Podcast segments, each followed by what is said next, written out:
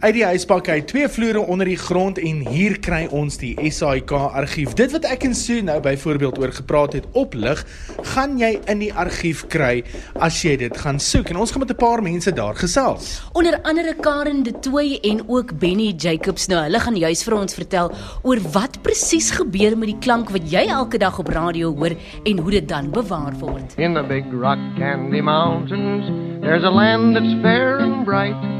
Where the handouts grow on bushes and you sleep out every night.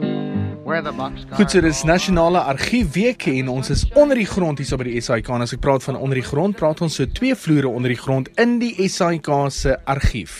En ons gesels nou met die argivaris Karen de Tooy want eh, so met nasionale argiefweek Karen, wil ons graag weet hoe dinge verander van Jan Toetse tyd tot en met nou.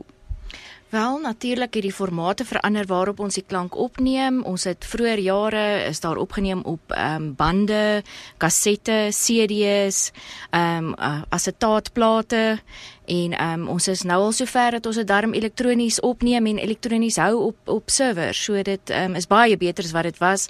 En natuurlik kan mens die klank dan baie beter hanteer want jy kan dit net klik op dit en dit deurstuur vir die mense wat nodig het vroeër jare en ons werk nog steeds met die ou formate. So as iemand van die ou klank wil hê, moet ons nog steeds dit vir hulle ehm um, gaan trek die bande en dan moet ons dit weer ehm um, reële tyd inspel. Ehm um, so solank as die band is, so lank moet dit ingespeel word. So dit vat dan baie langer om die klank weer by die ehm um, joernaliste en die programmakers te kry. Daai ou bande is onvervangbaar. So hoe werk die bewaring van daai bande? Dit is 'n groot probleem in die argiefwêreld dat um, ons bande besig is om te vergaan. Dit moet gedigitaliseer word, maar um, ongelukkig is dit 'n vreeslike duur storie. Wat ons nou doen as as ons die bande as ons versoeke kry, dan digitiseer ons dit sommer dadelik en dan hou ons dit elektronies, maar ja, dan moet 'n hele digitale um, program gebeur om om hierdie klank vir ons bewaar te hou vir altyd. Dit wat tans nou op lig is by RSG, hoe lank vat dit vir hierdie materiaal om die argief leer te haal?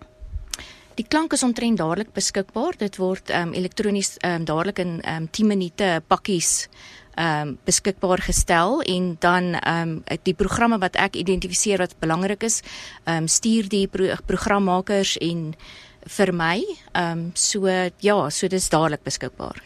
En in terme van die opsoek, daar is derduisende klanke in hierdie argief. Hoe werk julle soekmetode? As Suna byvoorbeeld kom en sy wil iets uit 1906 hê, hoe kry julle dit en hoe weet julle presies waar is dit?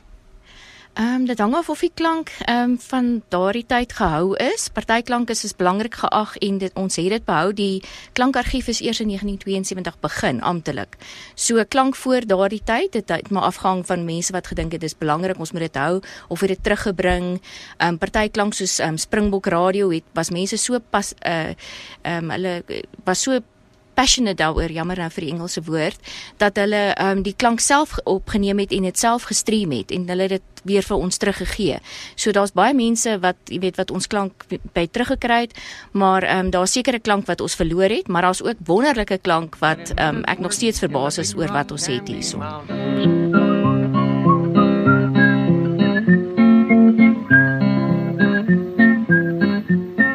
I'll see you all this come and fall in the big rock candy mountain.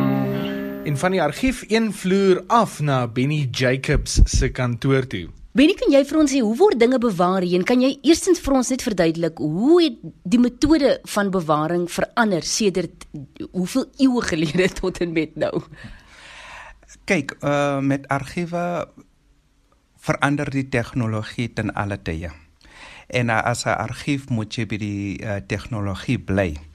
En omdat ons afhanklik is van radio se uitsy, beteken dit ons moet in alle tye seker maak dat radio kan ons materiaal kry. So uh, ons het begin by bande en uh, ons het oorgeslaan na CD's toe en nou het ons nou oorgeslaan na harde skywe toe. Want jy vind dat jou playback werk nie meer nie. So dit is hoekom jy ten alle tyd moet verander na uh, 'n uh, nuwer argief metodes van argiewe doen. So en en en dit is hoekom ons dan alle tye uh, tegnologies moet byhou. Maar dis nie net die plate of die bande nie. Kyk, die SAIK beskik ook oor duisende boeke byvoorbeeld en dit vorm ook deel uit van 'n baie groot argief en om boeke ook te bewaar is sekere uitdaging op sy eie. Kyk, dit is met die SAIK is ons 'n uh, bietjie agter ten opsigte van dokumentasie argiving. Uh so met biblioteke gaan jy nou nie dieselfde metode volg nie want wat nice is van uh biblioteke is dat jy kan multiple copies het uh van een boek. So jy uh, gaan nooit die gevaar loop dat jy nie 'n boek sal kry nie maar met radioargiewe of televisieargiewe eh, het jy nie soveel kopies nie. Die een kopie wat jy het is uh, die enigste wat jy het en dit is daarom wat dit belangrik is dat jy met tegnologie en alle tye sal verander. Maar ek dink die SAK werk daarna om dokumentasieargief te hê. Jy, jy weet waar ons ewen uh, as radio hulle kontrakte doen. Hmm. Eh, dat ons uh, insig sal hê in daardie kontrakte.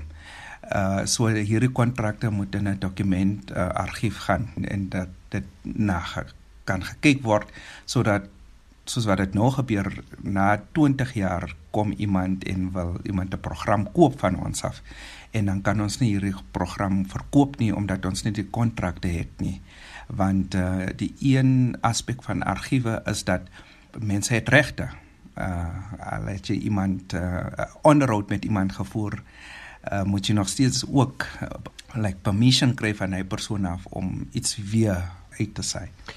Wat beteken iets soos die argiefweek vir julle waar die fokus op julle geplaas word?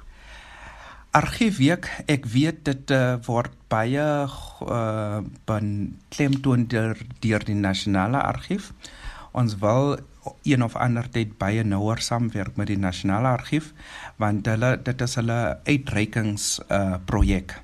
Hulle wil die nasie sover kry om te sê dat daar is argiewe wat jy uh kan na toe gaan waar jy kan kyk of jy jou history kan kry, uh jou geskiedenis.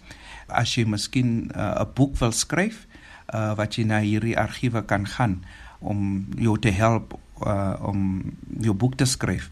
So uh, derhalwe het hulle besluit dat ons sal elke jaar 'n uh, argiefweek hê waar daar 'n outreach is na die publiek toe uh, om die publiek te laat weet dat ons het argiewe wat hulle kan gebruik. En daar al jou stem ook nou die argiewe Benny.